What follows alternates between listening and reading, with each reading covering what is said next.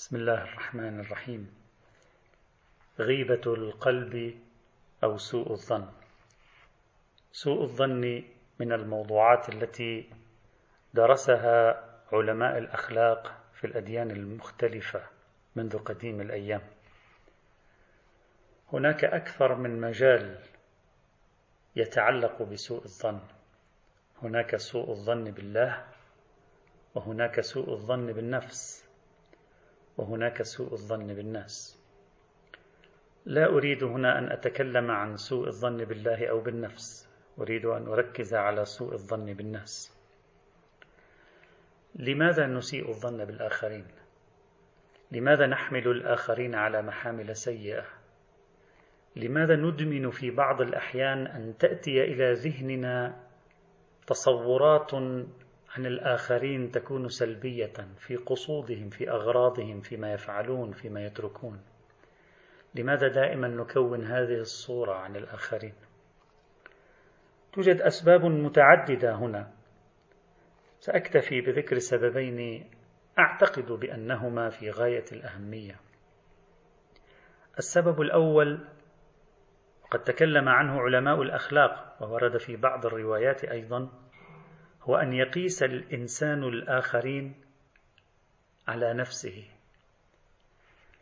بمعنى أن الإنسان في لا وعيه يحاول أن يتصور أن الآخرين هم مجرد شخص يشبهه. فكما أنه هو في العادة أغراضه سيئة نواياه سيئة قصوده سيئة متحايل خبيث يرتكب بعض التصرفات غير الأخلاقية فهو يسقط شخصيته على الآخرين ويتصور أن الناس جميعا هم على مقياسه وعلى وزنه وطريقته. هو مخادع فيتصور أن جميع الناس مخادعون. ورد في الحديث عن علي عليه السلام الشرير لا يظن بأحد خيرا علل فقال لأنه لا يراه إلا بطبع نفسه.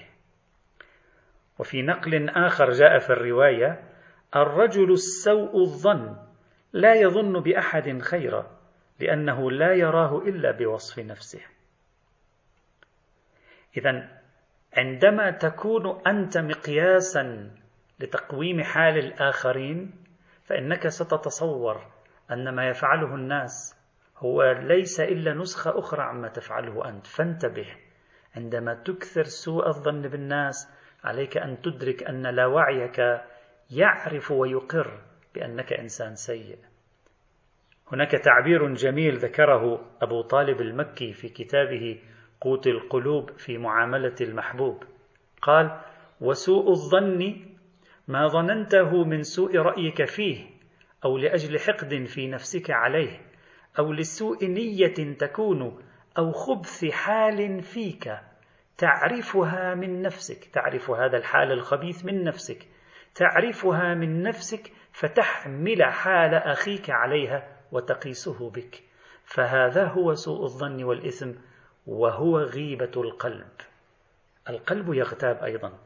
اللسان ينطق بالغيبة لكن أحيانا القلب يحدث نفسه وكأنني أحدث نفسي وأغتاب شخصا. بل في بعض الأحيان ليست غيبة بل هي بهتان.